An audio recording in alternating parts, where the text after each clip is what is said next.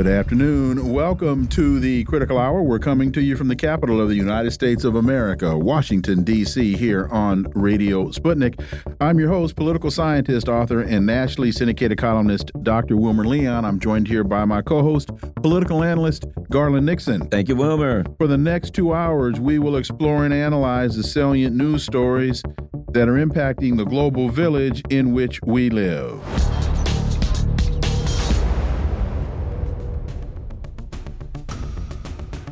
Times of Israel reports cabinet tonight set to okay deal for Hamas release of 50 Israeli hostages over four days. Israel to suspend war while releases go ahead. Deal provides for more releases later. Palestinian prisoners are to be freed but not murderers. For insight into this, let's turn to our first guest. He's an award winning broadcaster and journalist based in Beirut, Lebanon. Laith Marouf, as always, Laith, welcome back. Thank you for having me. So it's reported that the government will have a majority in the 38 person cabinet to approve a hostage deal despite opposition from far right parties. The war cabinet supports the deal and will presumably rally 19 votes held by Netanyahu's Likud party and five belonging to war cabinet minister Benny Gantz's National Unity Party. First of all, Laith, uh, that's what's being reported by the Times of Israel. That's what's being reported here in the West. Uh, what's your sense of all of this, and what's really the motivation behind Hamas agreeing to uh, something along these lines, if in fact the deal is as imminent as they are reporting? Well, uh, first off, I'm, you know, we're all not sure here in the region if this deal is going to actually come to fruition or not.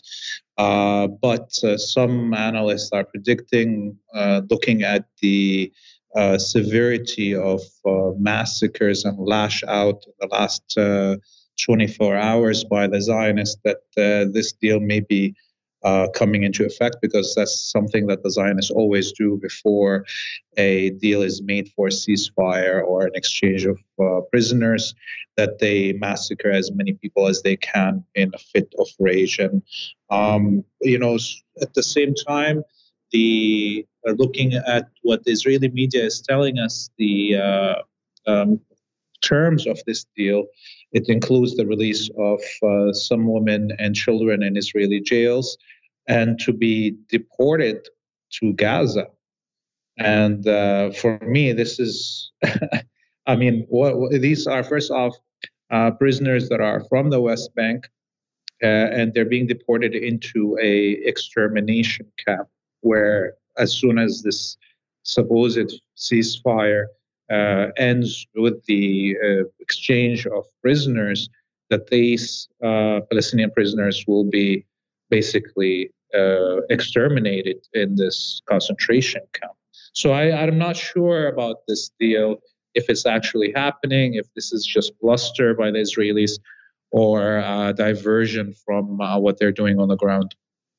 Also, Al Mayadeen reports settlers raid Al Aqsa. IOF steps up arrest in West Bank Al Quds. The Israeli occupation forces have raided several cities in the occupied West Bank, arresting at least 35 Palestinians.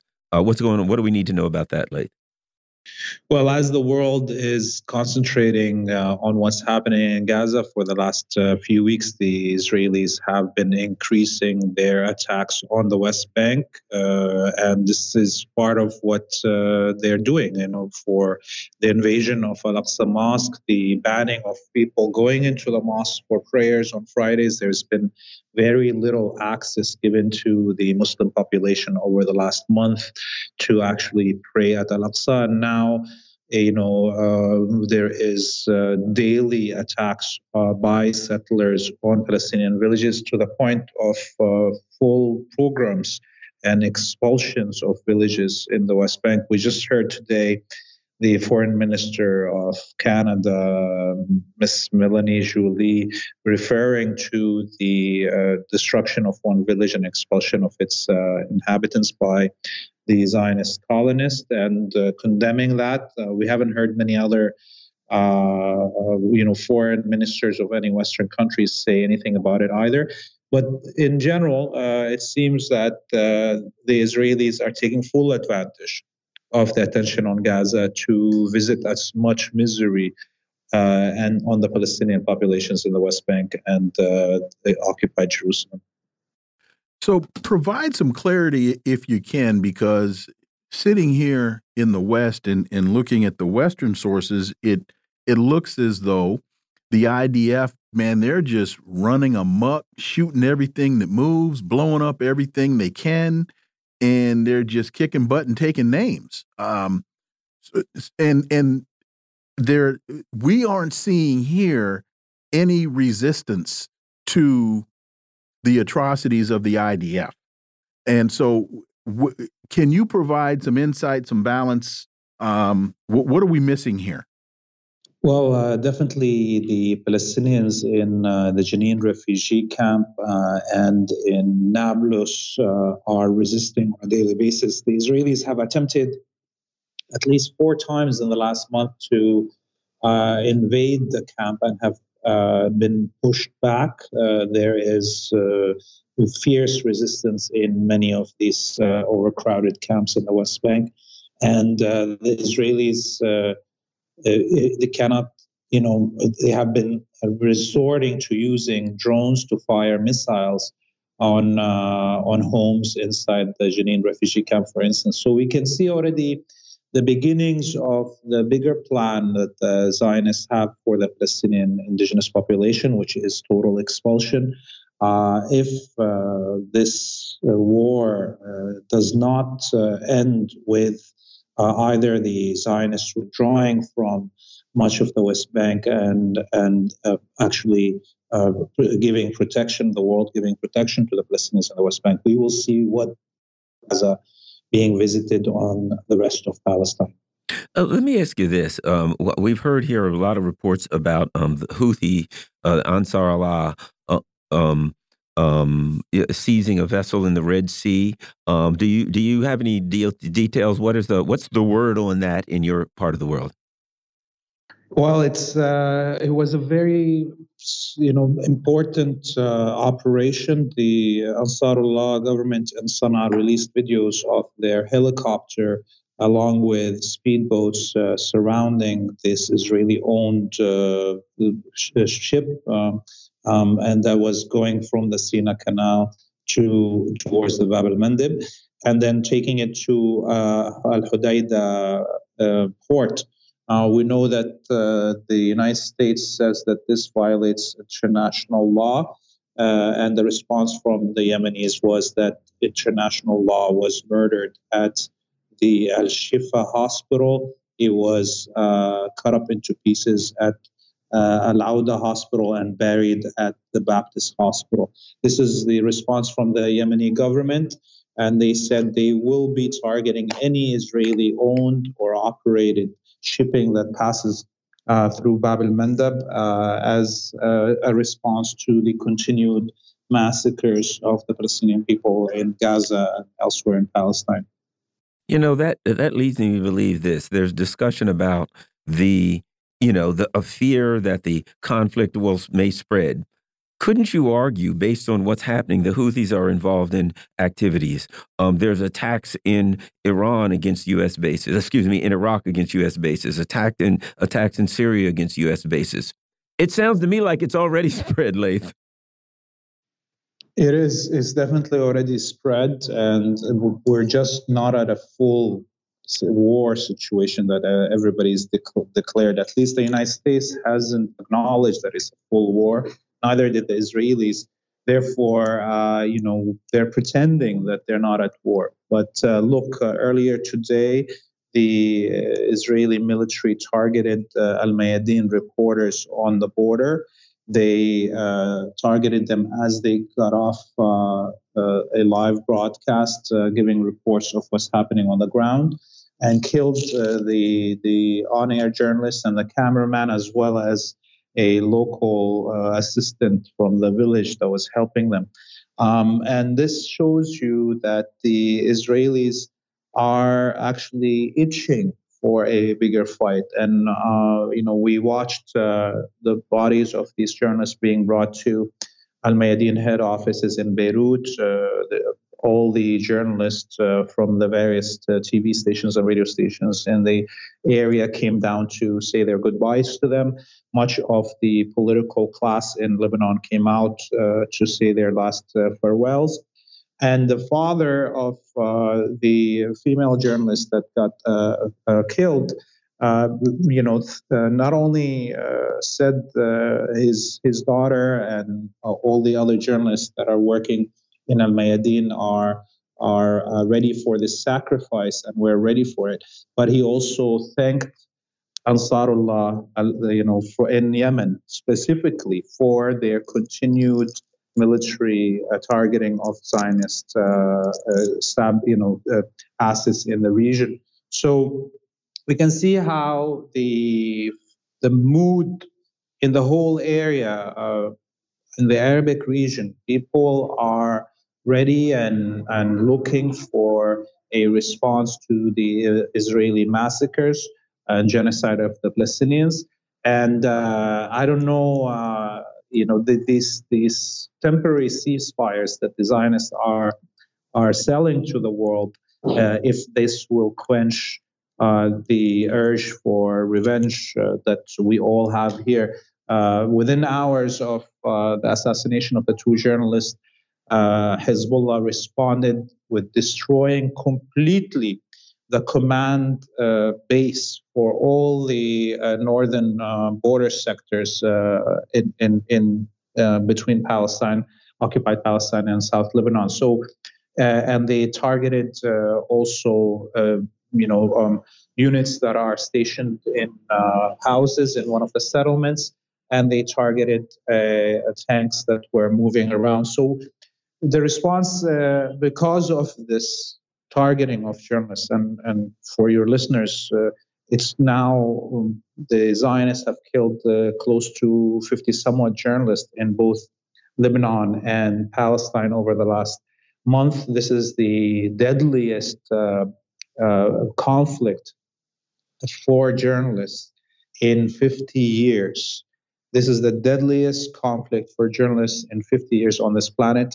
Uh, so there is a clear genocide, genocidal uh, will of targeting uh, journalists and media workers who are not, uh, you know, toeing the line of the Zionists. It, one of the most disgusting things that I saw today was a journalist from Bild, uh, the German newspaper, big biggest newspaper in Germany, tweeting about these uh, the two martyrs from Al Mayadeen, saying that they are not journalists, that they are propagandists, and that he doesn't feel sorry for them. This is the sorry state of propagandists in Nazi Germany and the rest of the Nazi West. Laith Marouf, as always, thank you so much for your time. Greatly, greatly appreciate that analysis, and we look forward to having you back. You have a great evening. Folks, you're listening to the Critical Hour on Radio Sputnik. I'm Wilmer Leon, joined here by my co host, Garland Nixon. There's more on the other side. Stay tuned.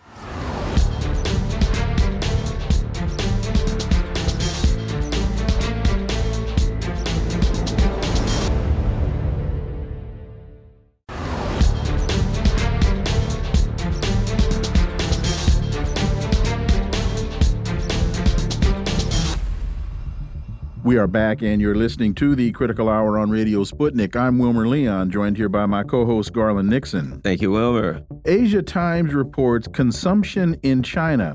Is it really that bad? China's consumption is hugely understated on national accounts, and the economy not nearly as imbalanced as conventional wisdom holds. For insight into this, let's turn to our next guest. He's a peace activist, writer, and teacher. KJ Noh, as always, KJ, welcome back. Thank you. Pleasure to be with you. So, this piece, uh, they write while uh, profligate Americans consuming 68% of GDP may not be a proper comparison. Frugal Chinese, uh, Japanese, and Korean households consume 54 and 48% of GDP, respectively, substantially more than their put upon Chinese neighbors. Given the immense size of China's economy, its imbalances have global implications. analysts have recently pointed out that while China's economy is 18% of global GDP, it accounts for only 13% global consumption and a massive 32% of global investment. Through trade and capital flows, China is surely offshoring its extreme domestic imbalances to the world. When I read this, KJ, a couple of things stood out to me. One, they mention, of course, that Americans consuming 68% of G GDP is not a proper comparison. I would think not, because it's a different economic structure between the United States and China. That China manage has a much greater uh, hand in managing its economy and investing profit back into its country. And the other thing is, when you think about the growth of the American economy, which really took off after World War One, and uh, where there was just incredible consumption in the United States, and consumption was highly encouraged, it was advertised, it was promoted, and that had a tremendous uh, amount of impact on the on the on the size of the American economy. That same type of program, this unbridled capitalism, is not an element of the Chinese economy. your thoughts? Yes, uh, you're absolutely right. I mean, essentially, the upshot of this story is that China's economy is doing well. And if you look for Western indicators to decide whether it is or isn't doing well, whether it's consuming or not consuming enough, uh, investing or not investing enough, uh, you're going to be steered wrong. That much is correct. At the same time, it tries to throw in a few digs at the Chinese and the Chinese system of government. But essentially, the upshot of this, uh, this article is that the Chinese economy is doing well. It's much stronger than you think it is, and it's not reliant on exports to the extent that you think it is. It has a lot of capacity for dual circulation, uh, and it's much more resilient. And uh, I would uh, I would say that it's essentially saying don't bet against China. Well, the other part is, you know, China's economy is relatively the the level of sex, success the, the level of success that they have is relatively new. You know, it hasn't been going on for a long time, and they're kind of making adjustments as they go. They go along. They're growing so fast that they have to make adjustments on the fly. So to me, you also can't look at the current um, uh, Chinese economy as a finished product. They they they're continually making adjustments and changes. Your thoughts? Yes, you're absolutely right. I mean, this goes back to the idea that you know, it is a very, very uh, forward thinking, but also very responsive and flexible uh, governance. It's, you know, they say that you can't change the party, but you can change the policy. In the US, you can change the party, but you can never change the policy. It's always neoliberalism, more austerity, more immiseration. But in China, they're steering the economy, as Gar, uh, sorry, as as Roma has said, they manage it, they invest, they plan, they have state-owned, uh, you know, enterprises which they can contract or expand as needed. And then, of course, all the banking is central. So, you know, a credit itself is a public good; it's not a private good. So they have tremendous capacity and tremendous levers with which to steer the economy in the right direction and to point the direction of development where they want to. And so I think you know, once again, uh, it's flexible, they can adjust on the fly. And as you point out, this makes it a much more effective economy. And in reading this piece and then reflecting upon a lot of the the narrative and the spin that we've been getting here for years, how Amer how people uh, in the American administration have been crying foul that China's cheating, that you know uh, it's an unfair trade war and all of these uh, kinds of invectives that the United States has has been been throwing around, and it it, it just comes down to it's a different mode of it's a different method of economy, and it's a managed economy, and and up to this point, it seems to be an incredibly successful management of economy? I think you're absolutely right. It is a different mode of production. Uh, it is, you know, there's a large sector of the economy which is state owned, which is to say that it's owned by the people. It has strongly dirigist uh, tendencies. They're always watching both the micro and the macro, uh, you know, uh, forecasts, and they're able to steer. And once I, once again, I said they hold the levers of the economy. Uh, you know, it's also a sovereign uh, currency, and so they have vast capacity to create an economy that works for themselves and works for everybody. And all of this narrative and spin that where they cry foul against China and claim that it's acting unfair, there's a strange contradiction there because on the one hand, they always say that China has, you know, uh, you know, a, a planned socialistic economy which makes it inefficient. And in the same breath, they say China's economy is unfair because they're more efficient and they're more efficient because they're planning and they're steering their economy. So that's the fundamental contradiction. They're trying to have it both ways. But essentially, the proof is in the pudding. The Chinese economy is winning out both, uh, not only in terms of production, not only in terms of consumption, but in terms of the upstream uh, dimension, dimensions of, of research and education and all the ground factors that actually make for an enduringly strong economy. You know, it's also, uh, to me, hypocritical when the United States wants to continue to extol the virtues of the free market system, on the, particularly on the international front, and they want to cry foul uh, to China because of the way it, it manages its domestic economy. And if you're able to lift 100 million people out of poverty over the span of what about 15 years? 800 million. Was, was it 800, 800 million. 800, okay thank you. Uh, 800 million people out of poverty over this out of abject poverty over the span of 15 years or, or more that's a i think that's a pretty good deal particularly when we look at the current state of um, of the united states economy and we look at homelessness we look at all of the the the maladies that people in this country are facing, you know, hey, give me some of that Chinese management and uh, let's build some roads, build some bridges, build some homes, and grow the American middle class. You're absolutely right. I mean, you know, the Chinese middle class. Uh, first, they're the largest middle class on the planet, between four to six hundred million. Secondly, if you look at the, you know, the working class just in general, their salaries have increased multiples uh, in the past decades. You know, your average worker is making between three to 10 times more than he made. Now, that's not true for any of us here in the United States. Essentially, if you are working class, if you are part of the productive classes, your salary has flatlined. And the only way you've been able to continue to tread water is by taking on debt or by working more jobs.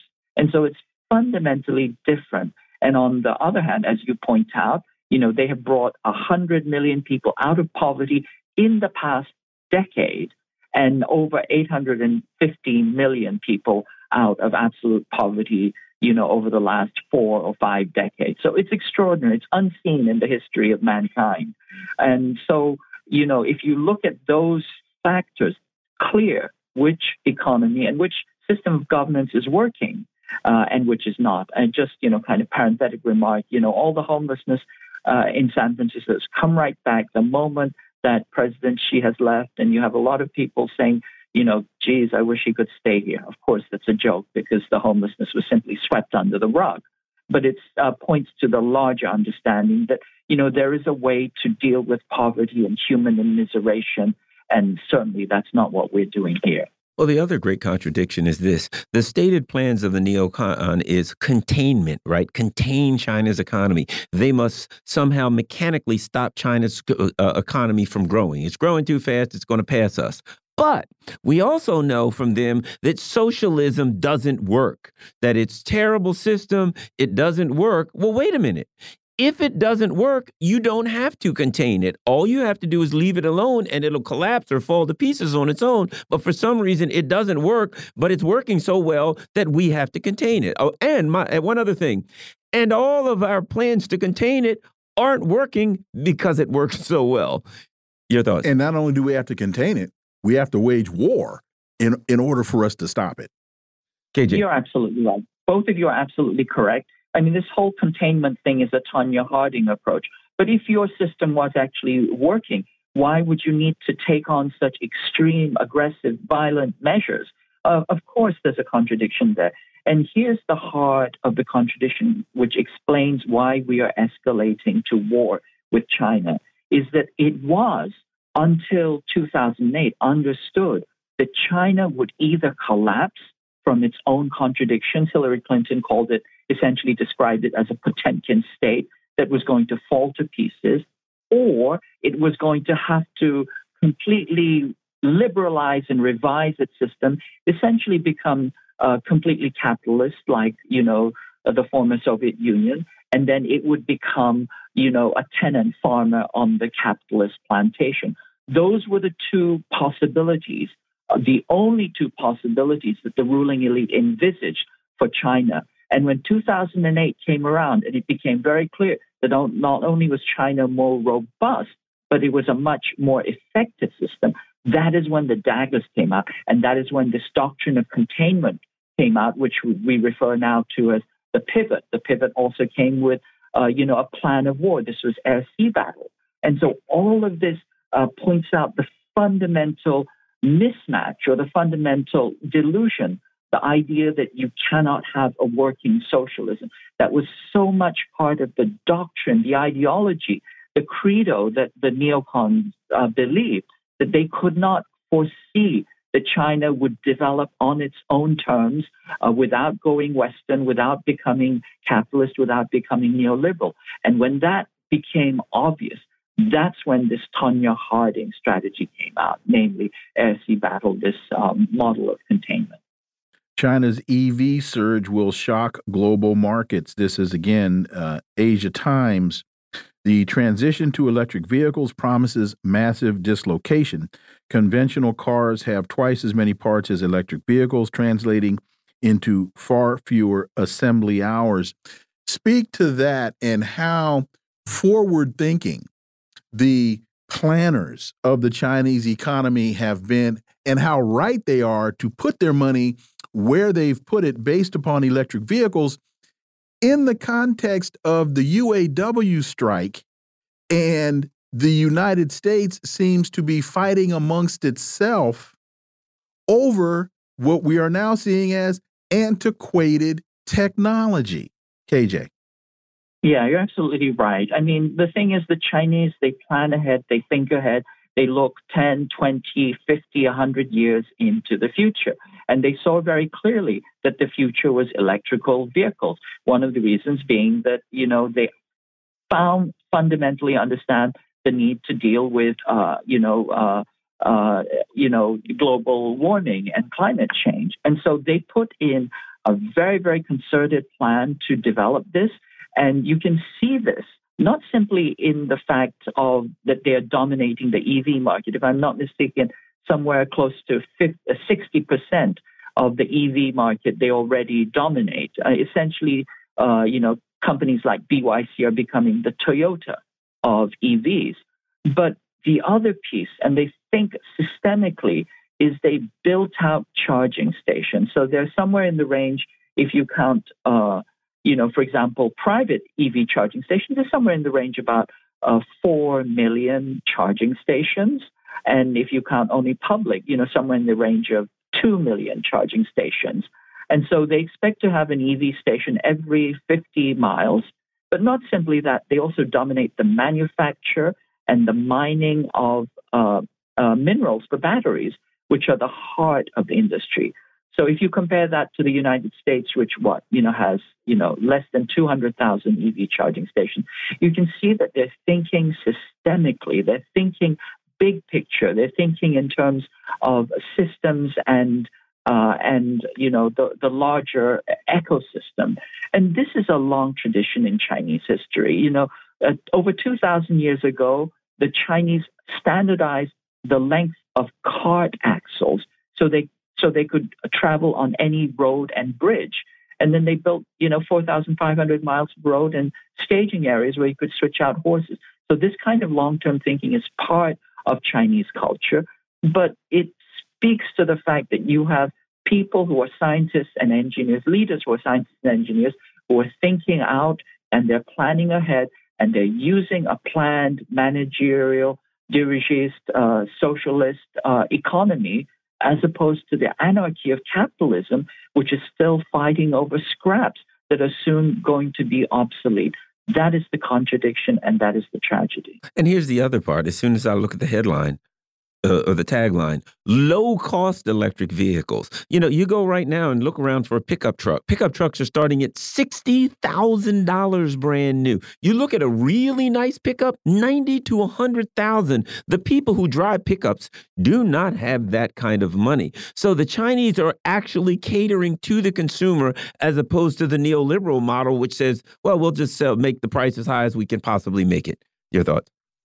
Yeah, exactly. So once again, you know, they're relying on the market, or rather, uh, their monopoly of the market to see how can they maximize their, uh, you know, profits, and that's all they can think of, short-term thinking, as opposed to the Chinese who are producing ten thousand dollar EVs, which are really, really good, and that is going to change the market. Uh, you know, uh, you know, the U.S. currently has a series of uh, sanctions and barriers against Chinese you know, uh, vehicles. But if those were to be removed, the working class people, everybody here would benefit. And we know that we need all the help that we can get right now. Well, you know, uh, when uh, you know you go to a lot of countries. Last time I was in London, it's been a few years, but a lot of people had Huawei phones they were cheaper and they worked well. It, it, this so-called better, yeah, exactly. This so-called um, capitalist system that works so well now has to stop China from selling its goods here. The only way our goods can still maintain any market in our own country is to stop China from producing something that's better and more reasonably priced, which says our system is spiraling down. In fact, to your point, Garland, there's an article in Asia Times, and I was, uh, I was just trying to put my hands on it again, basically asking the question: Is is Huawei responsible for the surge in the Chinese economy? So after the United States imposes the chip ban, and Huawei decides that a necessity is the mother of invention, of invention and comes out with its new uh, Mate 60 phone with the satellite capabilities, and that phone is now taking over the world. And I can't put my hands on this headline again, but uh, the the question is: Is Huawei responsible for the resurgence of the Chinese economy? KJ. Well, I don't think it's responsible by itself, but remember, everything works with everything else. Huawei is building out 5G, and that creates, you know, foundational shifts in industrial production because then you can allow you know, uh, automated factories, uh, you know, and massive exchange. Just as, for example, you know, we talked about EVs earlier.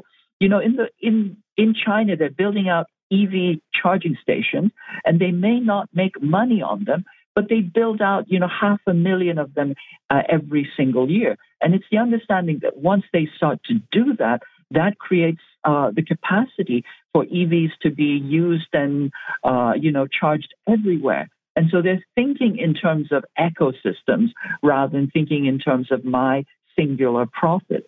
And it's that kind of big picture, long term thinking which makes uh, China and Huawei and BYD uh, and a socialist uh, economy more effective. Well, that, that, now the other thing that you're getting in, in here too is investment in infrastructure. You know, the U.S. now, what we'll do is we'll say, well, we've got a road here. What we'll do is on this highway, we got this all over the place here. We'll put extra lanes that are outside of the traffic, but you have to pay extra. So eh, our so-called investment in, in infrastructure is the creation for the opportunity to make a greater profit off of your people, as opposed to an in, uh, investment in overall infrastructure. You don't see a dollar amount coming in tomorrow from a toll, but in the long run, or in the, in the in the grand scheme, that investment in infrastructure expands the capacity of your entire um, uh, uh, economy. And, and, what also happens there is what you, when you mentioned the toll roads, the E-ZPass system, and all yeah. that, for example, that's private sector. That's neoliberalism. Yes, that is. We're going to expand the road, the capacity of the road, but the citizen is going to have to pay for it, and the private sector is going to profit. And I just found the piece Didi Huawei lead the way for a China bounce back. China tech giants show the way forward is savvy corporate restructuring and disruption, not giant state led stock bailouts. So that's more evidence of reinvesting into the economy, not focusing on shareholder value, which is what the mindset of most CEOs in the West have now been focusing on is shareholder value that China is leading the way. KJ. You're absolutely correct. I mean, just look at Huawei itself. Who are the shareholders of Huawei? The employees. It's the employees. Yeah, it's an employee owned company. And so they reinvest and then they just become more and more effective and more and more profitable. And it's a virtuous cycle there. Uh, and as for you know the big Chinese tech giants, they have tech giants to rival U.S. tech giants. You know, not simply in you know uh, hardware, but also you know in the you know social and uh, commerce domains. I mean, they they they actually have a strong chance if it were a fair market, they would knock out the uh, the American uh, giants. But the simple fact is, there is all of this is synergistic, and there's this synergistic investment in infrastructure, which is foundationally different from the United States. I'm talking about 30,000 miles of high speed rail, for example. That creates tremendous efficiencies, tremendous capacities for the entire country, as opposed to the United States, which creates a caste system with its you know, E-ZPass lanes. Those of you who have money get to, uh, you know, have an easy commute, and those of you who don't, you know, can spend, uh, you know, your, you know, count away your hours, you know, in, in a traffic jam. So this, this creation of a caste system that just benefits the rich and wealthy as opposed to a system that benefits everybody by creating public wealth, by increasing public good. That's the foundational difference. And the only place that the United States does a sort of infrastructure is in the military when it's building bases around the world. And that, once again, you know, is essentially a boondoggle as the fact that they can't pass, you know, an audit again, you know, $2 trillion vanished, evaporated, unaccountable for. These are fundamental contradictions, and they speak to some deep changes that need to happen. Well, and, and to your point, people need to understand what was the basis for the interest, in, interstate highway system in the United States. Military. It was military. It was under Eisenhower. They needed to construct roads in order to be able to transport military equipment in, in case of, of another war. And to your point about the E-ZPass, what you notice when you're on the road is the more congestion there is on the road, the more it costs to traverse an E-ZPass lane. I didn't even know that. The makes sense. Kind of like Uber. The less congested the road is. Now, so that shows you that there's a private sector profit model built into the E-ZPass system. Because if, if you were truly interested in moving people into these lanes, you'd make it cheaper to drive in the oh, lane oh, when the traffic is congested. KJ. You're absolutely right. I mean, under capitalist system, you, what you do is you lay the axis of time against the axis of profit, right? So time is money, money is time. And those of you who don't have money, you have to put in your time. And that is a foundationally uh, unfair system that privileges the rich and essentially allows them to live longer, not only physically, but in terms of the quality of their life. So, I mean, these are foundational contradictions and they need to be changed and transformed. But as long as the ruling neoliberal imperial elite are in power, they're going to keep things that way because they don't care about the fact that you are stewing away your life in a traffic jam. That doesn't matter as long as somebody wealthy is getting their cut of the profit. KJ Noh, as always, thank you so much for your time. You gave us more time than originally committed to. We greatly, greatly appreciate your flexibility and willingness to do so. And as always, KJ, we look forward to having you back. Thank you. Always a pleasure. Folks, you're listening to the Critical Hour on Radio Sputnik. I'm Wilmer Leon. I'm joined here by my co host, Garland Nixon. There's more on the other side. Stay tuned.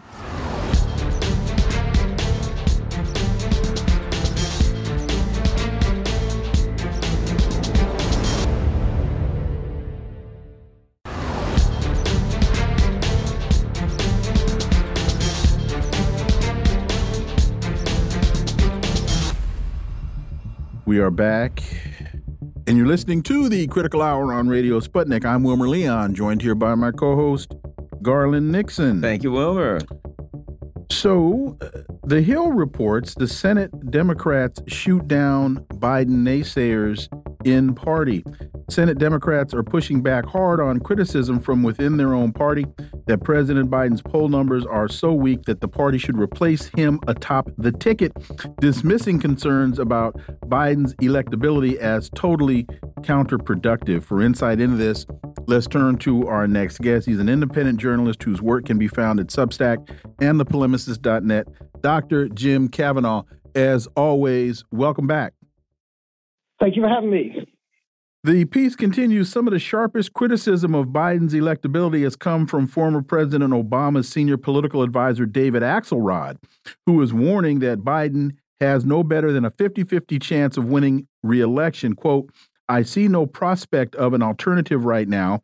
I think Joe Biden is in really good shape mentally. I was with him two hours on Wednesday night. He is sharp, informed, and extraordinarily discreet and insightful in comments on very sensitive policy areas like Israel and domestic challenges. That's according to Richard Blumenthal.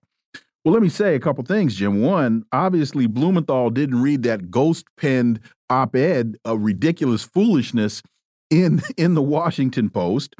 And uh, he can be sharp and informed at moments.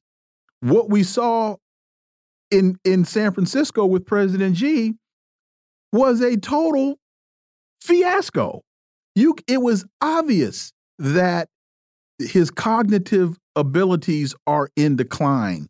So we don't need a 2-hour out of a 24-hour day president. We need a 26-hour out of a 24-hour day president, Dr. Jim Kavanagh.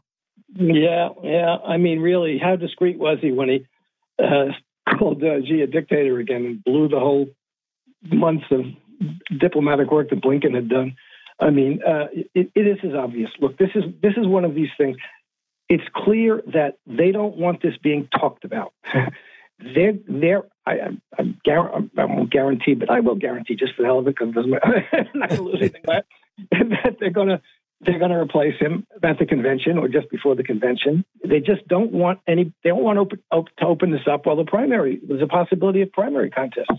So they're telling everybody just shut up about this oh, we're going to stick with him till the end. We're just like Ukraine. We're going to stick with him till the end. Well, the end's going to come at the Democratic convention, I, I, I, unless they just want to lose the presidency. Because it's and at this point, you know, one, one of the things that's really annoying about this is okay. So that's what the Democratic Party has to do.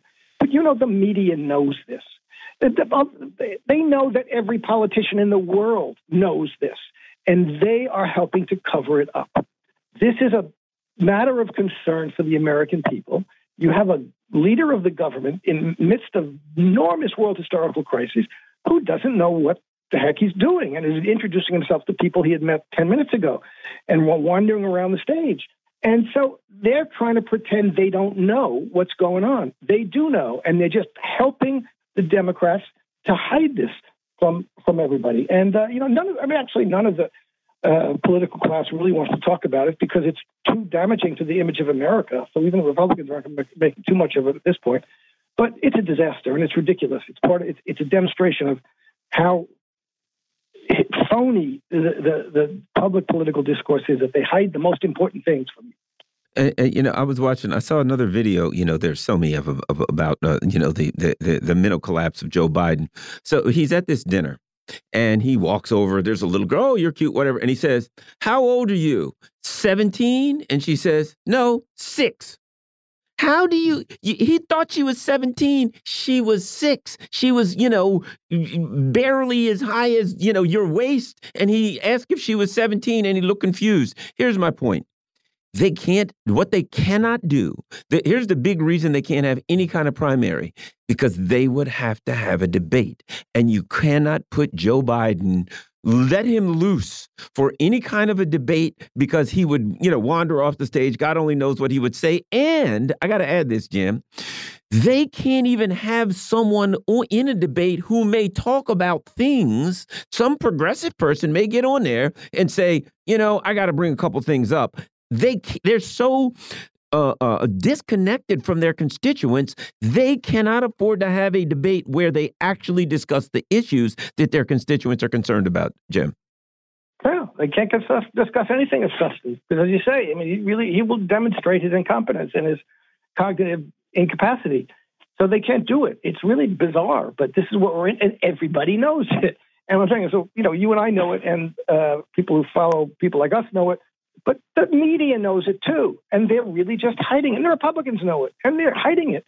You know, they don't want people to be aware of how screwed up the country is that their president isn't there.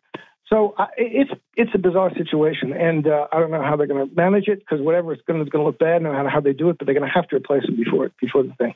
I, I, I still, you know, uh, we'll, we'll talk about the polls a little bit later, but you know, it's it's a disaster in getting. It's going to get worse. These things don't get better when you're 81 years old.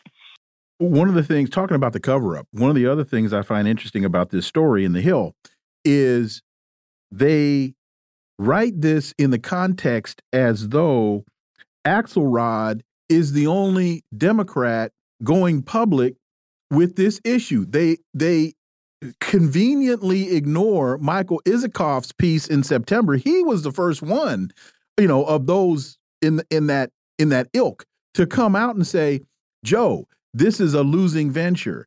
Then the Washington Post op-ed um, editorial board, they came out with their own piece before Axelrod wrote his piece. And then George Will on the conservative side came out and said, oh, not only should Joe Biden not run, Kamala Harris needs to stay home too. So when we talk about a cover up, I think this article is part of the cover up. Yeah, anything that takes seriously, pretends to take seriously the notion that there's something to take seriously here other than the fact that he's uh, in cognitive decline, decline is helping to cover it up. And, you know, they keep saying we can't talk about this because everybody's talking about it. and, you know, they wouldn't have to have, they wouldn't have to be saying, let's stop talking about it if everybody weren't talking about it already. They're just talking about it mostly behind the scenes. They don't want to get out except a couple of times it gets out. And the Axelrod thing was a big thing because, you know, he's an Obama guy. He's considered, you know, uh, king of campaigns and blah, blah, blah. So, now they have to. Talk, they, you can't. You know, it's like don't look at the elephant in the room. That's what it is. And it, the more you say that, the worse it gets. And I'm glad you pointed out that Axelrod is an Obama guy because Isikoff is a Clinton guy. So you have basically the two dominant big wigs on the Democrat side, the Clintons and the Obamas, they both of them are saying because I don't think Axelrod would have written this without Obama's permission, and I don't think Isikoff would have made his comments without the Clintons' permission. So, folks, in my opinion, and please, Jim, tell me if I'm wrong here. These are not the musings of individuals. These are individuals that are sending a message on behalf of the party, and Joe Biden isn't awake to receive the message. Yeah, it's not to Joe Biden. It, it, as you say, these people they didn't just sit down and come up with this and write about it. They had been talking about it with their cohorts, who are, as you say, Obama and the Clintons. So you know, and they said, "Do you think we should write something like this and put it out?" And they said, "Yeah." so because they think it's an important thing. So that's what that's what's happened here, and uh, you know we're gonna we're gonna see how it plays out. It's it's very bizarre. It's disastrous for the Democrats. ScheerPost uh, writes Biden tanks in polls, but media downplays the impact of Gaza on voters. Now, they then go on to talk about losses among young voters. The bottom line is, you know, um, a lot of people of color, a lot of young voters, a lot of people are looking at this. I've heard older voters say, you know, they were absolutely, you know, overtaken by what's happening in Gaza and they, you know, they're done with Biden. They're not talking about the damage that this is doing um, you know, uh, I'll put it like this: the mainstream is kind of ignoring the irreparable damage that's being done to, to, to Joe Biden and the Democratic Party as a whole. Jim. Yeah, it's interesting because this is an issue that's not just like any other issue, right? You know, we have uh, disagreements about tax policy. And, and, you know disagreements about LGBTQ issues, disagreements about abortion rights, all very important things, you know. But you know, I saw someone saying this on Twitter. It's, very, very true. This has united the left. you know, people who have differences about all kinds of other things are really united about this because this is an issue of genocide and and, and racism in, in, in the in the most fundamental way. And you're seeing it very clearly played out. And they're trying. You can't just treat this as any other thing because that's not the way the, the constituencies are pre- treating it. The young people, people, anybody who has, you know, I, I've seen Ta-Nehisi Coates talking about this, and Jamal Bowman in, in the Times, Ta-Nehisi Coates on, on Democracy Now! saying, I went to Israel. What did I see? I see I can't go here. I can't go there because I'm not Jewish. I can't. I got to go through this checkpoint. I recognize what this is. This is Jim Crow. You know, this is apartheid. So anybody, you know, you don't even have to be a leftist. Have someone has the both basic humanistic values of anti-racism and anti-colonialism, and you see what's being played out now. This is not okay. you know, this is no longer is it. Oh, we can forget about the Palestinians and the Palestinian issue, and we'll just judge people on all these other things.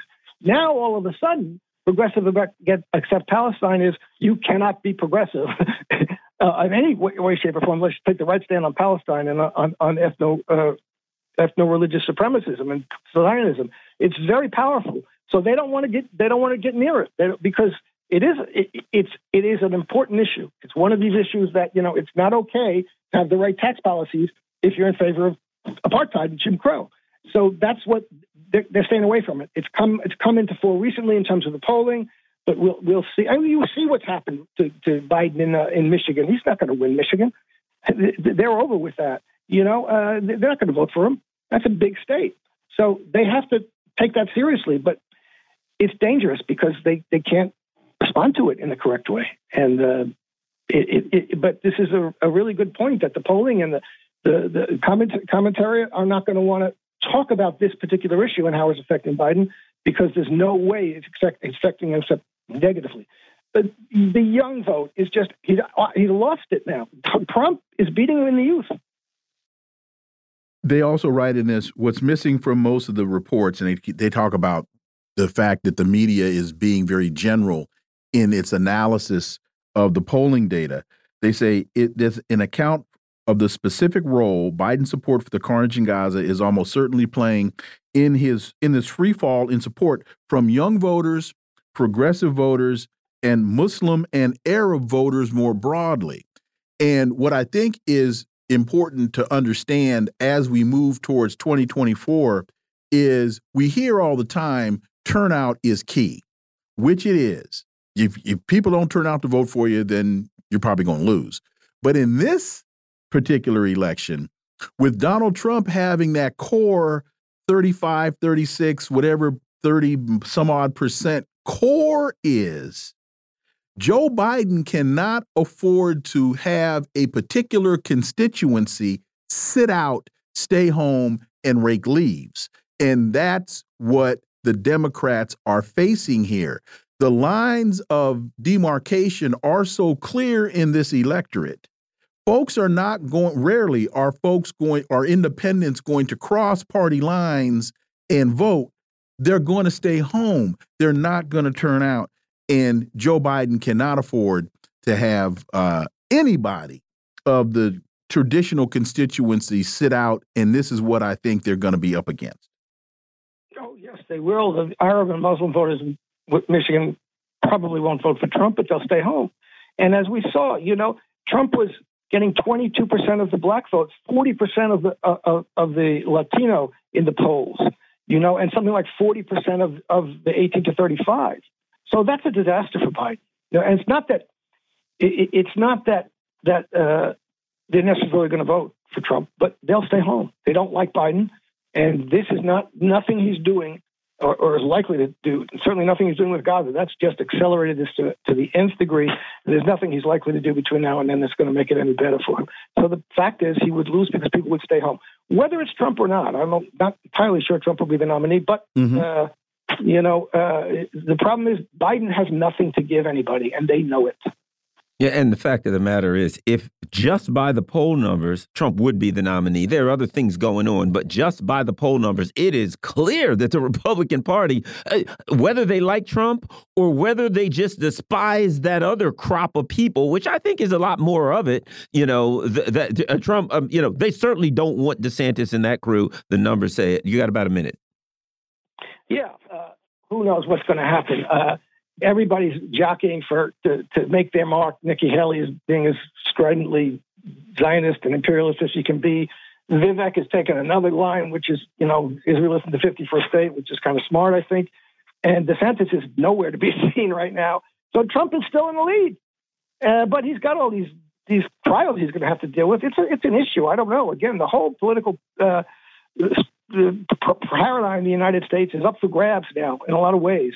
And none of them are offering anything that's any good for us. I'm concerned, and that even most people aren't concerned. They're, you know, people don't want abortion to be criminalized. They don't, and they Republicans are all running on that. So there's a whole bunch of things that are that are detrimental to any of the Republicans. And uh, Donald Trump just has this kind of weird cult of personality okay. that's working in his favor. And here's a data point that people need to add to this whole conversation. Fox announces details for DeSantis Newsom debate. DeSantis versus Newsom, the great red versus blue state debate will take place 9 p.m. November 30th and span 90 minutes. Why would Gavin Newsom be doing this if they're not trying to position him to be the nominee of the party? Riddle me that. Hey, Dr. Jim Kavanagh, thank you so much. Greatly appreciate it. Look forward to having you back. Folks, stay tuned. Critical Hour right here, Radio Sputnik, Morning other Side.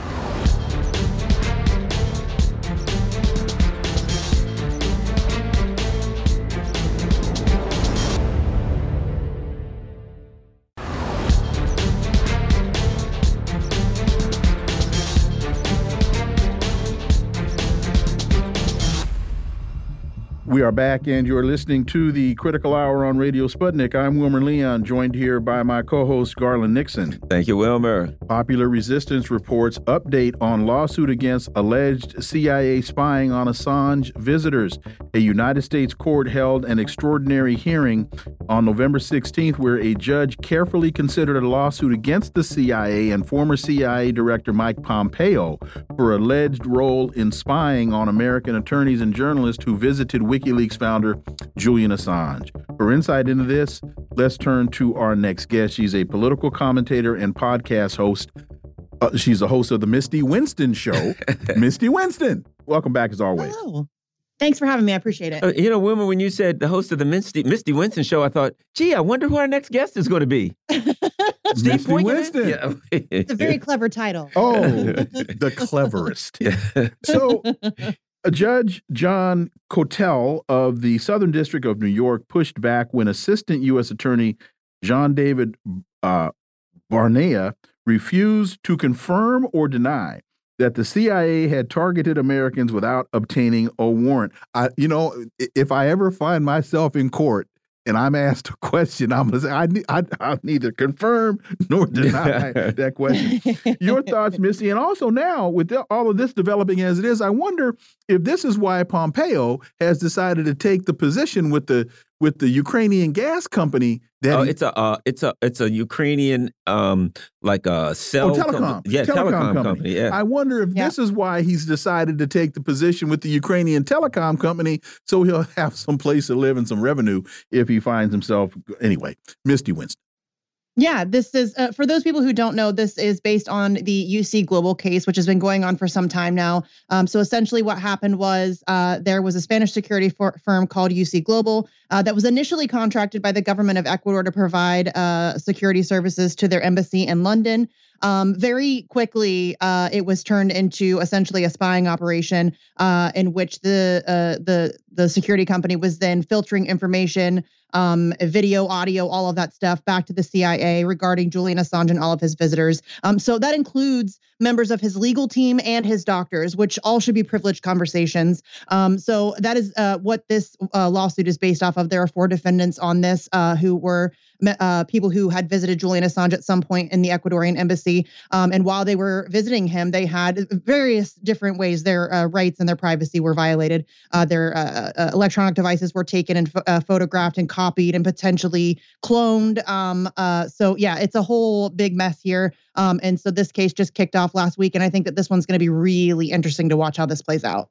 Um, you know what's interesting is the discussion. I don't believe that a warrant is ever required outside of the United States. Apparently, um, they, they, you know, the, the the the CIA people were arguing, "Hey, it's outside of the United States. We don't uh, argue, yeah. we don't need a warrant." Also, I would imagine they they're you know probably considering arguing, "No, you don't have just jurisdiction." But here's the issue: they're going to argue that they have jurisdiction over Julian Assange outside of the United States. Yeah. But the laws of the United States, such as warrants, so I can go outside of the United States and I can arrest someone and bring them here who's not even an American citizen. I can apply yeah. them in one direction, but the uh, due process restrictions that are required are no longer. So that, the question would, would would add this: If an American citizen like Garland Nixon were in London, could you then argue that the due process restrictions don't apply to him, but we still have jurisdiction? There are some issues going on with this, Misty. Well, for sure. And you bring up an amazing point, but also, yes, that's exactly what they're saying because these four defendants are American. Yeah. They, they, are American. Julian Assange is not, but these four defendants are all American. And so they are uh, arguing that their Fourth Amendment rights under the United States Constitution were violated, and they are claiming that these four American citizens don't have any right to those uh, uh, protections uh, if they are in a foreign country. And I think that that is eh, we've never really seen a case like this, and that's why I think that it's going to be really interesting to watch how it plays out. This is kind of a precedent-setting case, but uh, you know they're arguing that the Fourth they say quote the Fourth Amendment protects conversations that cannot be heard except by means of artificial enhancement, which is what this is end quote, and that is just not uh, uh, i mean I, I don't know how they can argue that considering the fact that they were using microphones in the women's bathroom. They had uh, cameras all over the place. They had microphones hidden on fire extinguishers and on windowsills and all of that kind of stuff. Um, so i don't know. This I, I, this whole this whole time with the julian assange case they have been uh, prosecuting this man or persecuting this man as we should uh, really say under the united states espionage act while affording him none of the protections of the First Amendment uh, under the free press laws, under um, uh, you know uh, freedom of press. Um, so it's very much the United States wanting to have its cake and eat it too. And essentially, it boils down to the United States is seeking global jurisdiction over information and journalism, which should terrify everyone.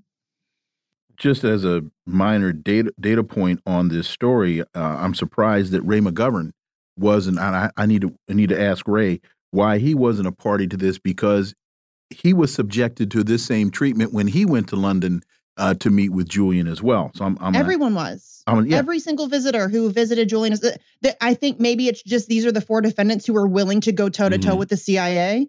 Um, uh, but yeah, the, every single person who visited Julian Assange over the time that he was in the Ecuadorian embassy was spied upon. Period. And here's another tangentially related issue, which I can understand why it's not in the lawsuit, but if we actually had a Western media that was independent and interested in reporting the story, I would think tangentially related to this would be Donald Trump's attempts, uh, to at least conversations about assassinating Julian Assange. Yes. And, and because all of this fits into, and I want to be very clear, folks, Donald Trump raised the issue. I, I use the yes. word attempt, but I and I cut myself off and kind of truncated my thought. He raised the issues of why not just go ahead and kill the man. And so mm -hmm. I think that has to be factored into the discussion. It's not in the legal case, and I understand why, but it at least, I think, needs to be a part of the discussion. I agree with you 100%. And I, uh, it is, I, I understand why it's not in this case. I think that it is going to be uh, a topic that is brought up probably in the case that's happening in London. We're still waiting for that decision there. But and for those people who don't know, what Wilmer just said is 100% accurate. Uh, the uh, Trump administration, at the highest levels of the Trump administration, meaning Donald J. Trump himself, uh, developed uh, different plots, plans. I think they called them sketches uh, of different ways that they could either kidnap or assassinate Julian Assange while he was still in the Ecuadorian embassy. Uh, that is something that happened. And so the idea that uh, the idea that the the UK government or the UK court system is even considering extraditing this man to a country that was revealed to be plotting to murder him is astonishing to me. Um, but that's where we're at, and I think that uh, uh this it's just if you say it all out loud in like one single paragraph or conversation, all of the different ways that Julian Assange's rights have been violated. It sounds like a crazy conspiracy theory. It sounds like a really bad Michael Bay movie, uh, but it's just reality. This is what's happening. Well, and this I think this is consequential because one of the issues I think um, when Assange gets here is the fact that the the U.S. government violated attorney privilege, uh, attorney-client privilege. Right? They they you know literally listened into to his arguments, listened into his defense uh, uh, setup with his uh, discussions with his attorney, which would which that case gets thrown out immediately. And the discuss if if they're going to have to argue that he doesn't have any protections. And again, we get back to this. I have the right to go arrest you. So I can apply U.S. law to you anywhere in the world. But it only stands to reason from a legal perspective that if I argue that I can apply U.S. law, I would also have to then apply all the protections, all the due process, everything that comes with U.S. law.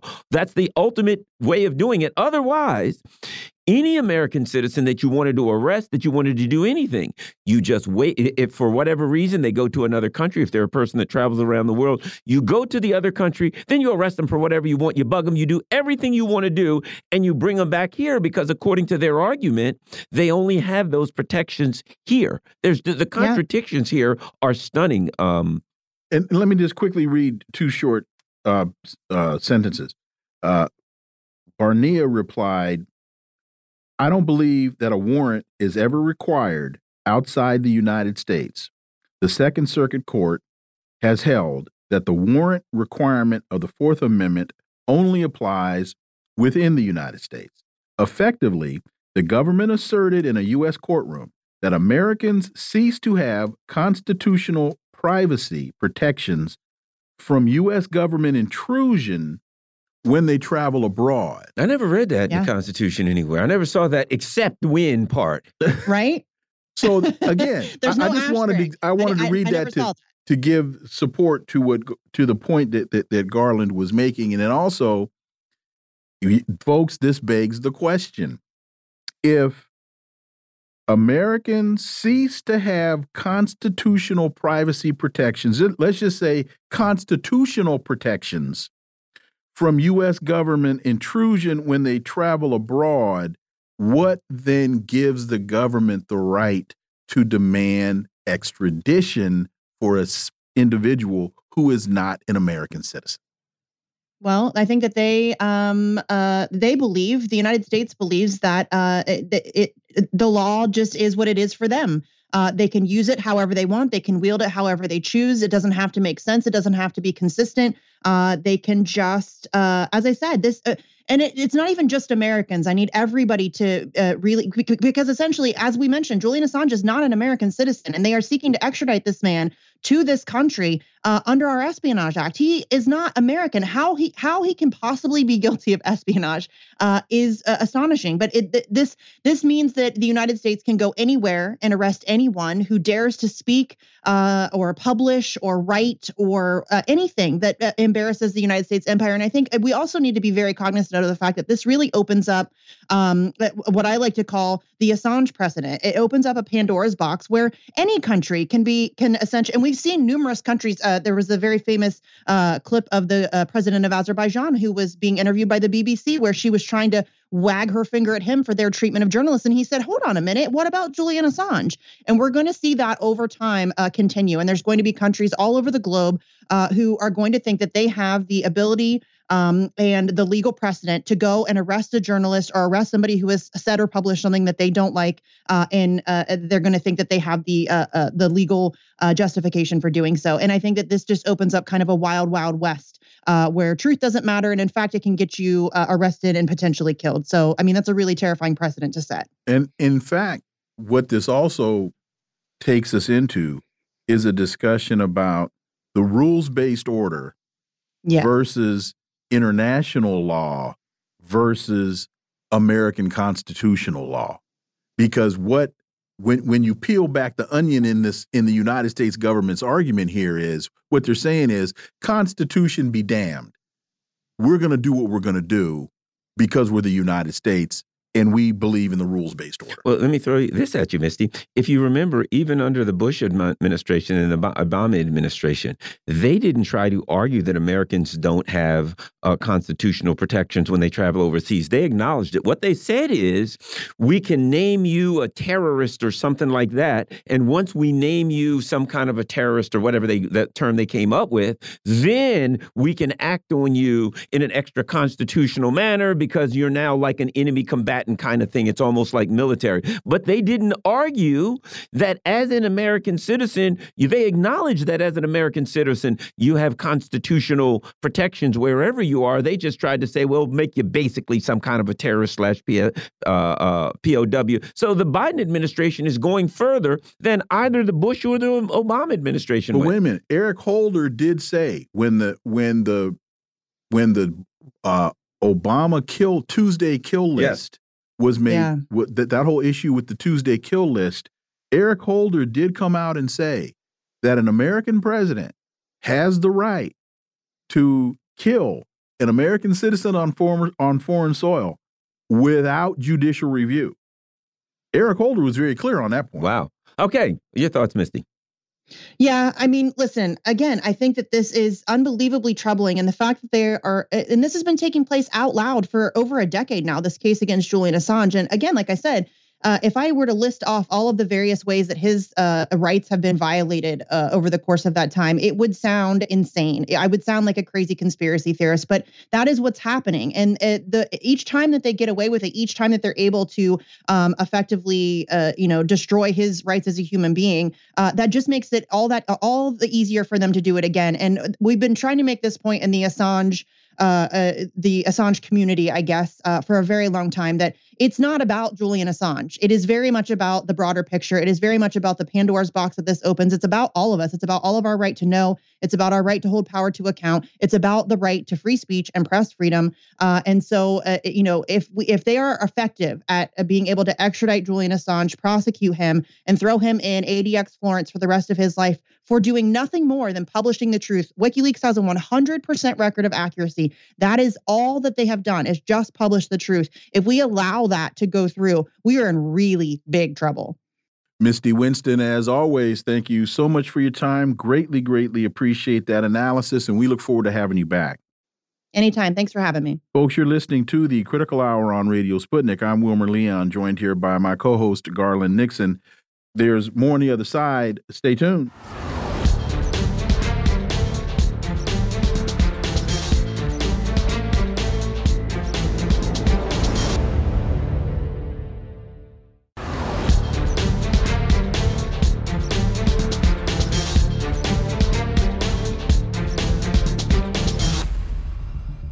We are back, and you're listening to the Critical Hour on Radio Sputnik. I'm Wilmer Leon, joined here by my co host, Garland Nixon. Thank you, Wilmer.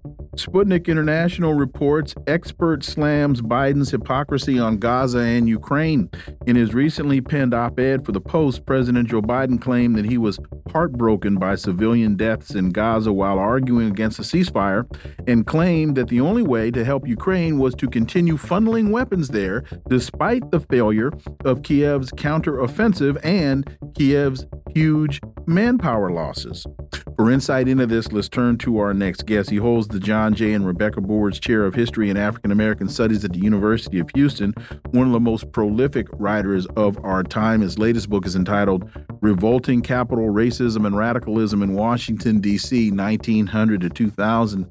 Dr. Gerald Horne, as always, welcome back. Thank you for inviting me. So, this piece continues. The U.S. president had leaned heavily into sententious uh, rhetoric referring to the U.S. as an essential nation, as he vowed in the aforementioned opinion piece that Washington's actions regarding both the Ukraine crisis and the latest violent spiral of the Palestinian Israeli conflict were, were driven by concern for our own national security interests and for the good of the world. Uh, he also claimed that he was heartbroken. And Dr. Horne, when you read this piece by, well, that is attributed to, we'll say ghost written for uh, President Biden, it is just, it is ahistoric. It is, um, it is propaganda, and it is just flat out wrong. Dr. Gerald Horne. Well, I understand your point of view, and it would be simple and easy to ascribe the defects of that article to 81 year old Joseph R. Biden, who, by the way, celebrated his birthday yesterday. And many people are ascribing the delusional nature of that article to his age. But I think that that's ages. Recall that uh, W.E.B. Du Bois, a founder in the NAACP, who eventually joined the U.S. Communist Party, he died in 1963 at the age of 95. And so when he was 81, he was on the cusp of some of his most significant triumphs, including running for the United States Senate in 1950, including repatriating to Ghana, starting the Encyclopedia Africana, starting novels, and all the rest. So it's simple minded and simplistic to say that it's just because of Biden's age that he sounds out of touch and delusional. I think the problem is, is that the class that he represents is out of touch and delusional and is fractured by tensions and contradictions.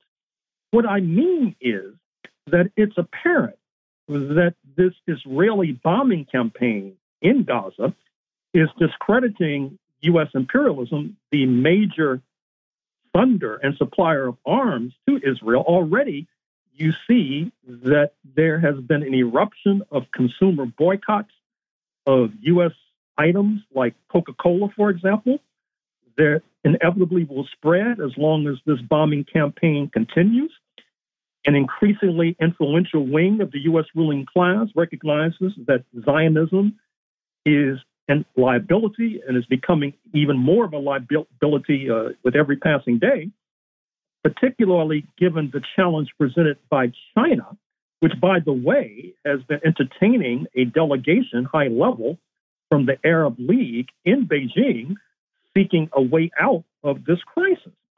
The problem for the U.S. ruling class is that there is an influential and powerful lobby, Zionist lobby, that's embedded in the U.S. ruling class. They refuse to yield. They're becoming as dogmatic as Mr. Netanyahu himself, who they tend to support uh, all the way down the line. And that puts the U.S. ruling class in a bind because if they seemingly seek to move away uh, from Israel and, for example, come out for a ceasefire, the Zionist lobby will turn on them with a vengeance, just like, for example, the Zionist lobby is turning on leading members of the Congressional Black Caucus because of their coming out for a ceasefire. I'm speaking of Congressman Jamal Bowman of Bronx, Westchester. I'm speaking of Congresswoman Summer Lee of Western Pennsylvania, Congresswoman Cori Bush of St. Louis, Congressman Andre Carson of Indiana. The list is growing with every passing day. And so, because of that contradiction, the overall interests of U.S. imperialism pitted against the narrow interests of the Zionist lobby, it puts Biden and the class that he represents in a real bind.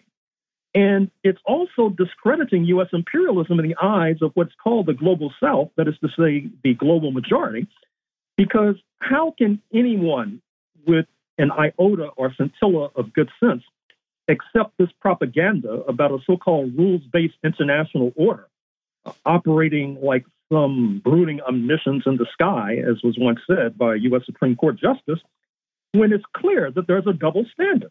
And what's what the impact of that is, is that it's making the global majority listen more keenly to China, listen more keenly uh, to Russia. You saw that, for example, with the recent trip of Chancellor Scholz of Berlin uh, to Nigeria. Uh, he was peppered with questions about the bombing campaign that he and his class are supporting with regard to Gaza.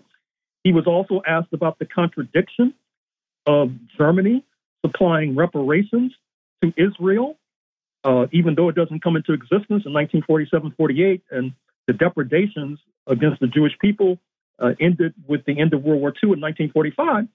And at the same time, Germany refuses to listen to the cries, the anguish cries coming from the former German Southwest Africa, speaking of Namibia, where the first genocide of the 20th century was perpetrated uh, against the Nama and Herero people in the first few years of 19, the 1900s. A similar genocide in former German East Africa, today's Tanzania, uh, with regard to the so called Maji Maji revolt, where tens of thousands of Africans were slaughtered, uh, some driven uh, to die from lack of water, believe it or not. And yet, the Berlin has turned a deaf ear to their cries for reparations. And so I think that the, the problem that Mr. Biden exemplified in that op ed, uh, it would be simple if we could just ascribe it to his own obvious debilities. But it's much wider than that, it's much deeper than that. And that'll make it much more difficult to resolve. And speaking of more difficult to resolve, keep in mind as well that uh, just recently, I'm sure you apprised your audience of this, you had the spectacle of the Iranian allies, speaking of the Houthis in Yemen, uh, who have seized a ship going into the Red Sea that has Israeli ownership. You can expect more of that kind of thing going forward, putting enormous pressure on Israel. And in the last 24 to 48 hours, you've seen Hezbollah virtually destroy an Israeli base in northern Israel. At the same time, with regard to Mr. Biden, we're still waiting for the U.S. Senate to be more outspoken in calling for a ceasefire. In my last reading, the only senators who call for a ceasefire include Dick Durbin of Illinois, uh, Jeff Merkley of Oregon. Uh, I would hope and imagine that Elizabeth Warren of Massachusetts and Bernie Sanders of Vermont would be signing on uh, sooner rather uh, than later. But at the same time, it's not only that this uh, crisis is having repercussions that's affecting the interests of the global majority, then ricocheting into Russia and China, uh, you see it manifesting in London. Recall that just a few days ago, Suella Braverman, formerly known as Cruella Braverman, the Home Minister, was sacked because she wanted to stop these hundreds of thousands of pro Palestinian marchers from striding down the streets of London. Uh, she was sacked as a result, and that's led to a situation where she'll probably be challenging Rishi Sunak, the prime minister, uh, from the right. In Paris, you also see that uh, Mélenchon, who ran a credible race from the left against President Macron in the last presidential race, uh, he has been forthright in his critique of the Israeli bombing campaign, which probably has affected and influenced President Macron, who of late has spoken against the killing of uh, women and children by Israeli authorities. And so you see as well that the crisis that Mr. Biden did not address in his op ed includes crisis of NATO, the North Atlantic Treaty Organization, not only manifested in what I just described with regard to uh, Berlin, London, Paris, but also Congo. Uh, that is to say that Turkey, Turkey uh, has the second largest, most powerful military in NATO. Uh, obviously, it's not on board with regard to this bombing campaign. Uh, that will lead to a further fracture within NATO. And then, once again, back to the uh, global majority, uh, pay attention to the fact that South Africa has made a referral to the International Criminal Court with regard to bringing charges against these war criminals in Israel. This was not an easy thing to do. South Africa has one of the most influential uh, Jewish communities in Africa, if not in the world. It includes the former Israeli Foreign Minister, Abba Eban, uh, who had deep South African roots. The current leading international jurist, Richard Goldstone, has deep South African roots. And that is a straw in the wind, not only signifying a crisis for Israel, it's a crisis for U.S. imperialism, it's a crisis for world imperialism, it's a crisis for NATO, and therefore it's little wonder why this ghost written article for Mr. Biden came up so short. Uh, Dr. Horne, if you could speak to the internal issues going on in the Democratic Party, you know, uh, what is it? AIPAC just said they're going to spend 100 million to go after the squad. They're literally going after the young, uh, younger members. I may have my issues with them, but they're young. They're mostly people of color, and that's where the um, Joe Biden's really having his problems now, and AIPAC says they're going to take a, a, baseball bat to that to that group. I don't imagine that's going to you know uh, bode well for the Democrats coming up in uh, 2024. Dr. Horne?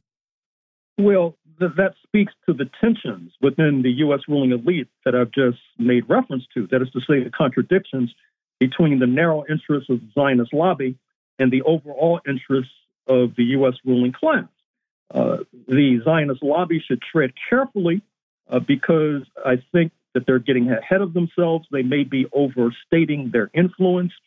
They may have been unduly influenced by that demonstration they had in Washington, D.C. Uh, just a few days ago, where the press reports that there were hundreds of thousands. My sources tell me it was not that large, but in any case, the speakers from the platform not only included uh, House, excuse me, Senate Majority Leader Chuck Schumer, but Mega MAGA Speaker uh, Mr. Michael Johnson of Louisiana.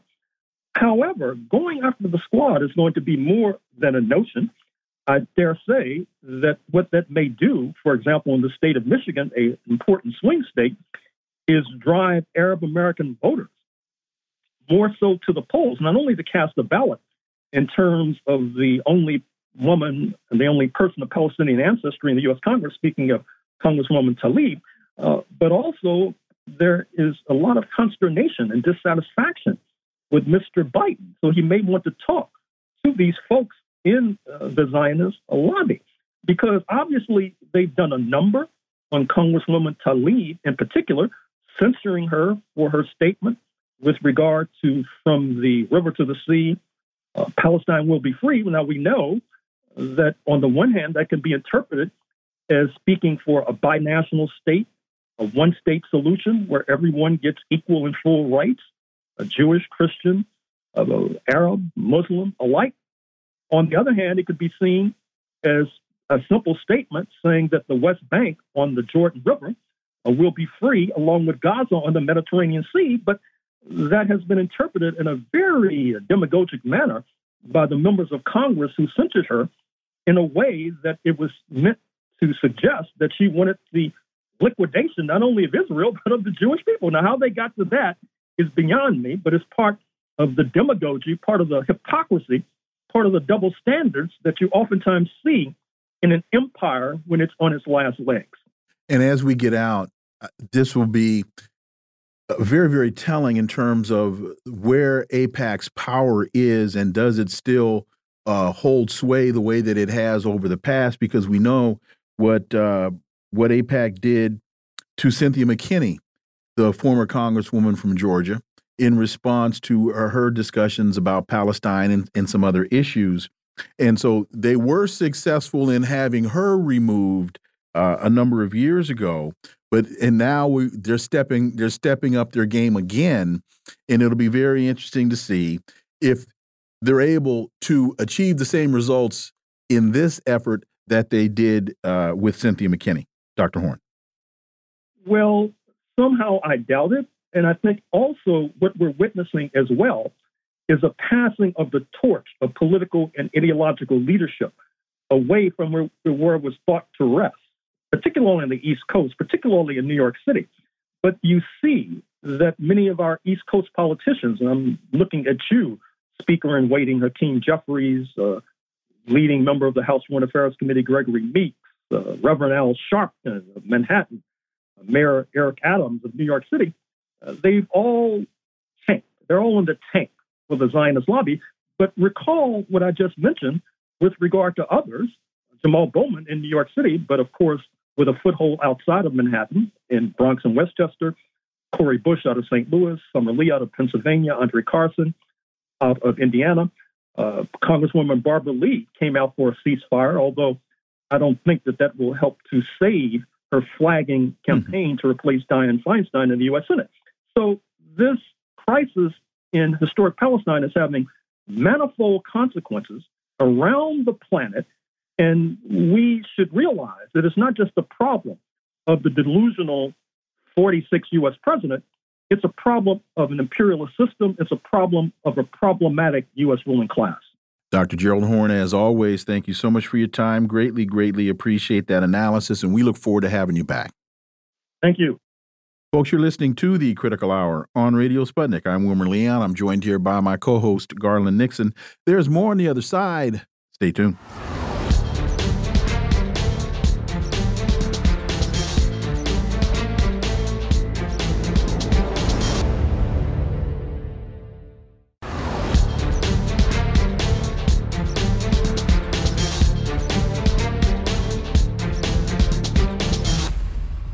We are back, and you're listening to the Critical Hour on Radio Sputnik. I'm Wilmer Leon, joined here by my co host, Garland Nixon. Thank you, Wilmer. The Washington Post writes Who is Javier Milei, Argentina's far right president elect? Argentina's next president will be Javier Milei, a libertarian economist who embraces comparisons to former U.S. President Trump and promises to take down the establishment. For insight into this, let's turn to our next guest. She's an Argentinian born political scientist and filmmaker, Micaela Ovelar Marquez. Micaela, welcome back. Hello. And you're joining us from Argentina. Thank you so much uh, so much for joining us. Uh, Milei supports limiting government to only a few functions. He'll cut the number of federal ministries from 18 to 8, dismiss public officials hired in this calendar year. He wants to abolish the central bank, dollarize the economy off of the Argentinian peso. He's a champion of free markets. He's basically neoliberal in as many aspects as one can count. Uh, what's happening in the street right now, and how did this victory come to be? Okay, first I wanna I wanted to tell you and, and the, the listeners that uh, from the moment that I that I, I'm in Buenos Aires, and after voting, I was you know expecting the, the, the results, and and I was starting to hear that you know the difference was was higher, uh, bigger than what we saw at the beginning. Uh, we always knew that uh, Milei has a lot of followers and supporters. So we, we knew that it's going to be like it, it was going to be a, a tough, um, a tough struggle. And so after knowing the results, um, I I infiltrated myself in in in in a march uh, and in a, in a group of uh, followers, and I was able to to celebrate with them, you know, in a way, because um, yeah, actually, they were so happy. They were so they were like um, chanting and screaming, saying that finally they are free and and that they um, in a way that like, they were in prison for many many years, and you got this uh, liberator Milei that that make possible that they get out of jail. You know, it's, it's, a, it's a sensation. That is my sensation. Another sensation is that they were they think the the Milei supporters they think that they live under a socialist uh, ruling government, which is not the case. But they they really believe that they live they believe that um, that Argentina is a socialist country today, almost close to to a communist uh, country. So so yeah, the, the, you, you really need to understand these people are people just like you and I. I mean, they're followers of Milei. They and they are going through a you know like a very tough uh, economic situation. Uh, we have the pandemic, the, the, the COVID 19, but we also have another problem like inflation and, and yeah, this with the, the national currency, the peso argentino. Uh, so, so that that is that is really what we're seeing now is like we're living like kind of the beginning of a cultural revolution a far right revolution, a revolution from the right. Uh, and th- that is how we can explain that a person that uh, everybody was calling a, a crazy guy, uh, a local, uh, he's now the president of the Argentina. It, it, sounds to me like what one of the, the issues here, because you know when when you look into it, you know uh, uh Argentina uh, Argentina is in terrible debt with the IMF, with these international you know U.S. run banks and and infrastructure that puts countries in uh, horrible poverty and in debt. It sounds to me like the the long term debt of the International Monetary Fund, the World Bank, et cetera, has um, put Argentina in a, in in a position where these people were desperate and they blamed it on an ideology of socialism for lack of any other knowledge of what it could be. And now this is their kind of pushback against what really is the U.S. Um, empire um, and its you know IMF policies, et cetera, indebting another uh, global South country. Your thoughts? Yes, that, that is that is true, but it's so hard to explain uh, to to a young that doesn't doesn't know and doesn't want to know about politics uh, what is in, in the in the bottom of the situation. It's kind of the tension against Venezuela. It is so hard to explain to the people that the, the fact that you are uh, going through a struggling struggling in your daily life is because you are suffering uh, U.S. Uh, sanctions. Uh, so it's the same. It's the same in Argentina. I heard from people that that uh, that they have um, suffering Kirchnerism for the last 20 years, uh, and they totally forgot. They forget. They forgot about about Macri in power. Mauricio Macri, which is now an important island uh, aliado, um, allied of uh, Javier Milei. They they forgot that there was uh, Mauricio Macri that put Argentina in, in this situation, because the biggest uh, the biggest uh, external debt uh, in, in South America with the FM, uh, IMF. Uh, so the, the, the, people is kind of selecting as well. They they really wanted to have a change. Some people were saying like, I don't I don't care if he is local. I don't care if he is going to do all what he's promised to do. Uh, I just want a new face. I just I just want that, you know. They want the like uh, you have uh, many many many people.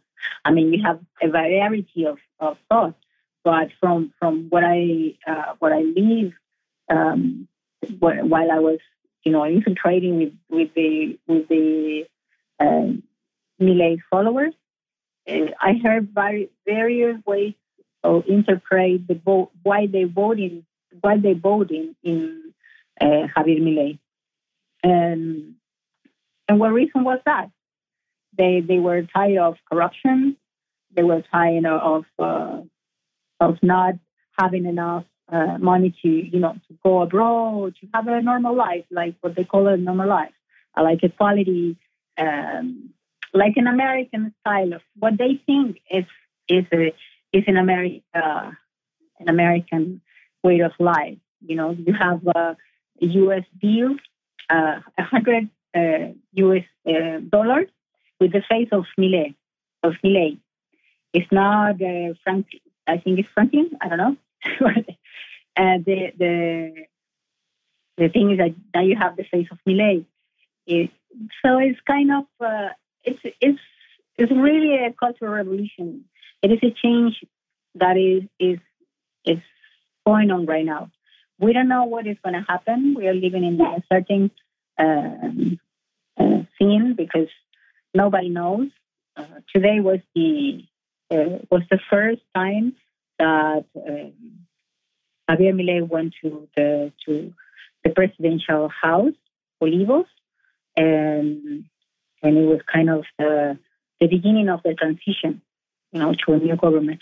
But also Javier Milei said he doesn't he he he wants that everybody be clear that until the, the December 10, when they, there's going to be the the real transition, when he, he when it's the pose, toma de pose, the presidential post, um, the responsibility of whatever is happening in the country uh, is under this current uh, government. So uh, I think I think everybody's like hoping to see what what, was go- what is going to bring this new government, but nobody has like certain nobody is hundred percent sure if he's going to say all the things that he's he's uh, claiming to say or saying he's going to say is, is going to do. Uh, and probably he won't be able to do it, but we don't know. We ha- we have to wait until he he does uh, his first move. We have just about two minutes left.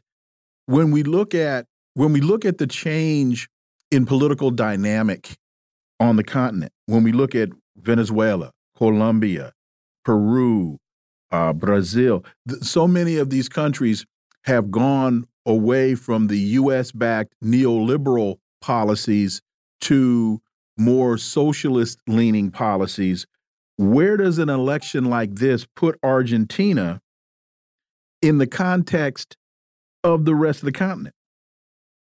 Ho hopefully that question makes sense. Yeah. Or or uh, or do or will we do we have to wait in order to find out? But I mean, but what what's your sense as a political scientist? We're going to lose right. I think if I think if uh, I I'm, I don't want to be a pessimist, but what I see is that it's going to be very tough.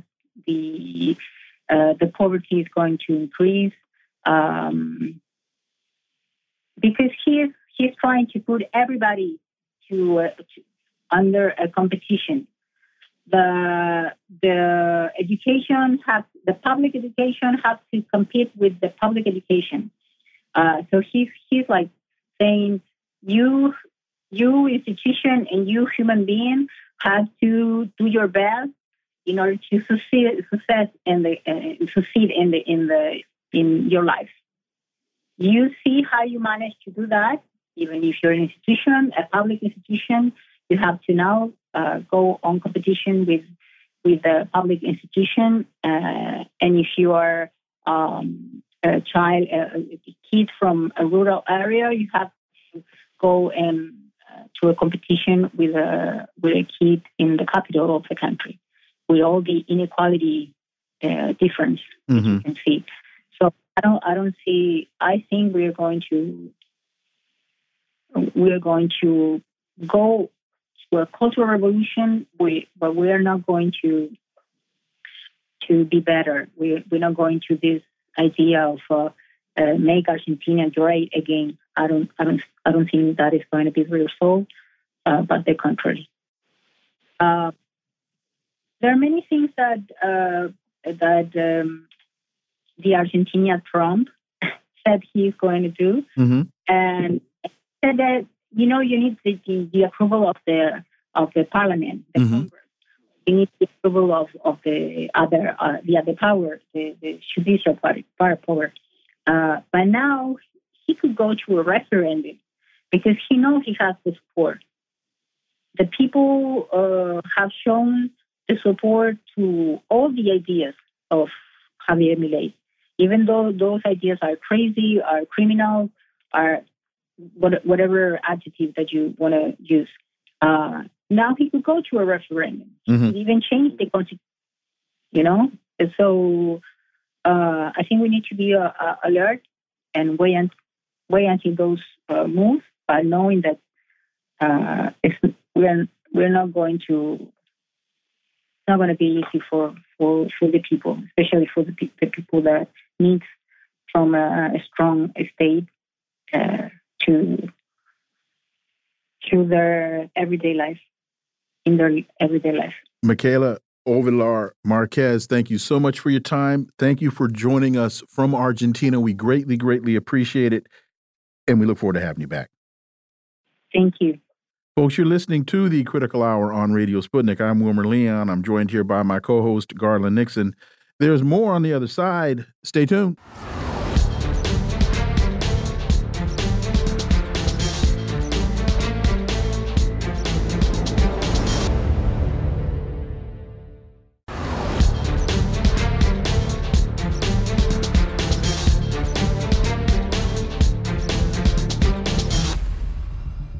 Are back in. You're listening to the Critical Hour on Radio Sputnik. I'm Wilmer Leon, joined here by my co-host Garland Nixon. Thank you, Wilmer. TASS reports Zelensky rejects idea of talks with Russia despite tough situation on battlefield.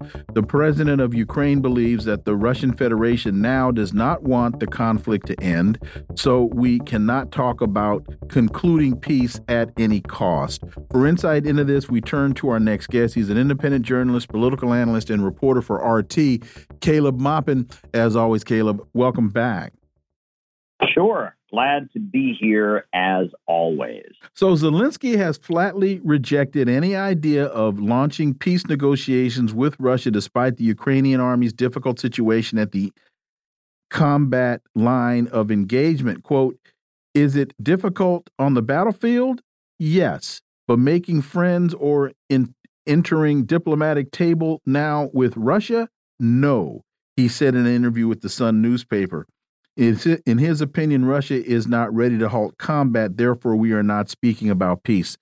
Uh, Caleb, your thoughts on Zelensky's logic or lack thereof? One would think that after the whipping that he's been subjected to at the behest of the United States, that he would be looking for any port in a storm, any out possible, unless he fears his internal struggle is greater than the external struggle. Hopefully that makes sense, Caleb Maupin. Well, it seems to me he just doesn't want his cash cow to go away. He wants to keep milking this for all it's worth. I mean, we've seen the reports from Seymour Hersh about how much of the Ukrainian money is getting pilfered off to wealthy Ukrainian oligarchs who are buying yachts and, and living in luxury as a result of this. Uh, and the more money the United States and the NATO countries dump into Ukraine, the more he and his buddies can take for themselves. So, uh, you know, why why let the party end? It's only been a year or so, right? You know, keep it going. I mean, I think I, that's that's how it looks to me and if you look at the, the facts, it is well known behind the scenes in the Biden administration. It's well known by the world that that the Donbass is never going back to Ukraine. Crimea is never going back to Ukraine. This war is already over. Uh, but yet they want to cynically continue throwing away the lives of their people because there's a lot of money to be made. Um, and uh, the the government of Zelensky, I must say, its legitimacy rests on on having Russia as their eternal nemesis uh, you know, as being, you know, Zelensky's whole image is him, you know, being the guy in the uniform in the tank, you know, with with the with the uh, you know the army hat on, with the with the helmet, and you know, so if this if this war ends and everyone just has to see a corrupt country for what it is, um, Zelensky will be out of a job pretty soon, and uh, the cash flow will stop, and that's what they're not looking for. Well, the other part is the U.S. has created an extremist regime. He has people around him. Let's face it. If he were to wake up one day and say, "Hey, you know, I think we should possibly work on a deal with uh, with Russia," when you've got people who are marching around with a copy of Mein Mein Kampf screaming "Sieg Heil," you may not you you well, may not live another day. That's my point, Caleb. Well, that's true too. I mean, these these kind of paramilitary, they are officially part of the Ukrainian military, so I guess I couldn't call them paramilitary, but these extremist ideological divisions of the Ukrainian armed forces that have just been cultivated in this pro-Nazi, anti-Russian worldview yeah, they're not going to take too kindly to somebody saying, you know, we got to sign a peace treaty and just recognize that Russia has won. And, you know, that's certainly a factor. I don't think Zelensky is among those folks, but I do think those folks are a factor. And while for Zelensky, it may be uh, simply a, a, cynical ploy to, to make some money, for those folks, it is, you know, a, a life or death. You know, they, they have been cultivated uh, through years of training and brainwashing to be ready, ready to die and kill some Russians. And, you know, I mean, at the UN Security Council just a few moments ago, they were they were invoking the the narrative of Holodomor and, and Stalin being responsible for all of Ukraine's problems. You know, there is a whole whole you know ideology that's been centered around Ukraine hating Russia, blaming Russia for everything that's ever gone wrong in the history of the country in the last hundred years, and you know there are a number of very extreme fanatics. It's not a big percentage of the population but it is a significant, uh, you know, shock force, I guess you could call it, a, a group of fanatical, you know, soldiers uh, who are ready to go and throw their lives away. And those folks aren't going to take kindly to a leader that, that doesn't let them do that. MSN reports uh, Elon Musk doubles down on pro China analogy rejected by Taiwan. He doubled down on his layman explanation of geopolitical tensions between China and Taiwan by comparing the self ruled island to Hawaii, an analogy that was strongly rejected by the Taiwanese government. Your thoughts, Caleb Maupin? Well, I mean, it gets complicated that analogy, right? So Hawaii was originally a kingdom. It was the the kingdom of Hawaii, um, and we know the way the United States seized Hawaii was that Christian missionaries were sent there, uh, and there was some kind of incident that we that was fake news. I guess they generated that these Christian missionaries were getting robbed or getting attacked or something like that, and so then the U.S. military was dispatched there, and that there is a strong Hawaiian independence movement of people that are indigenous to the island that maintain they are not part of the United States. They want nothing to do with it. Whereas Taiwan's a completely different situation because Taiwan, the people there speak the Chinese language and they've been speaking it for thousands of years. Uh, you know, they found ancient writing of the Chinese language on the island of Taiwan that's been there for, you know, for thousands of years. Some people speculate it's possible they were speaking uh, the Chinese language or some variant of it on the island of Taiwan before most of the mainland was even speaking it. And that, you know, the relationship between the island of Taiwan and the Chinese mainland is a lot deeper than the USA, which colonized Hawaii. Uh, you know, in kind of a forcible way. You don't have an indigenous population that you know you didn't have. I mean, it, it's not the same Mhm. kind of situation. Mhm. Now, now, you know, you know, Taiwan was under the control of Japan for a certain amount of time, uh, and and that was certainly a factor. And there was a layer of people in Taiwan who were were pro-Japanese, and so that makes it complicated. But it's a completely different circumstance. I can see why people don't like the analogy. Well, and he says it, it would be like one of the states, not like not there like Hawaii or something like that, but more significant than Ha- than than Hawaii. So he's saying, "Hey, man, this is of strategic great significance to them." I think that's what uh, that's what the the uh, the neocons didn't like about that. And Caleb Maupin, as always, thank you so much for your time. We greatly, greatly appreciate uh, your analysis as always, and we look forward to having you back. Sure, always a pleasure. Well, Garland, you know, anytime somebody comes out and says uh, anything uh, relative to pro China policy, Uh, particularly in America, they're, they're going to have a, a very tough row to hoe. Folks, you've been listening to the Critical Hour here on Radio Sputnik. Thank you for allowing our voices into your space on behalf of myself and my co host, Garland Nixon. We hope you were informed and enlightened, and we look forward to talking with you all right here tomorrow on Radio Sputnik. Be safe. Peace and blessings. We're out.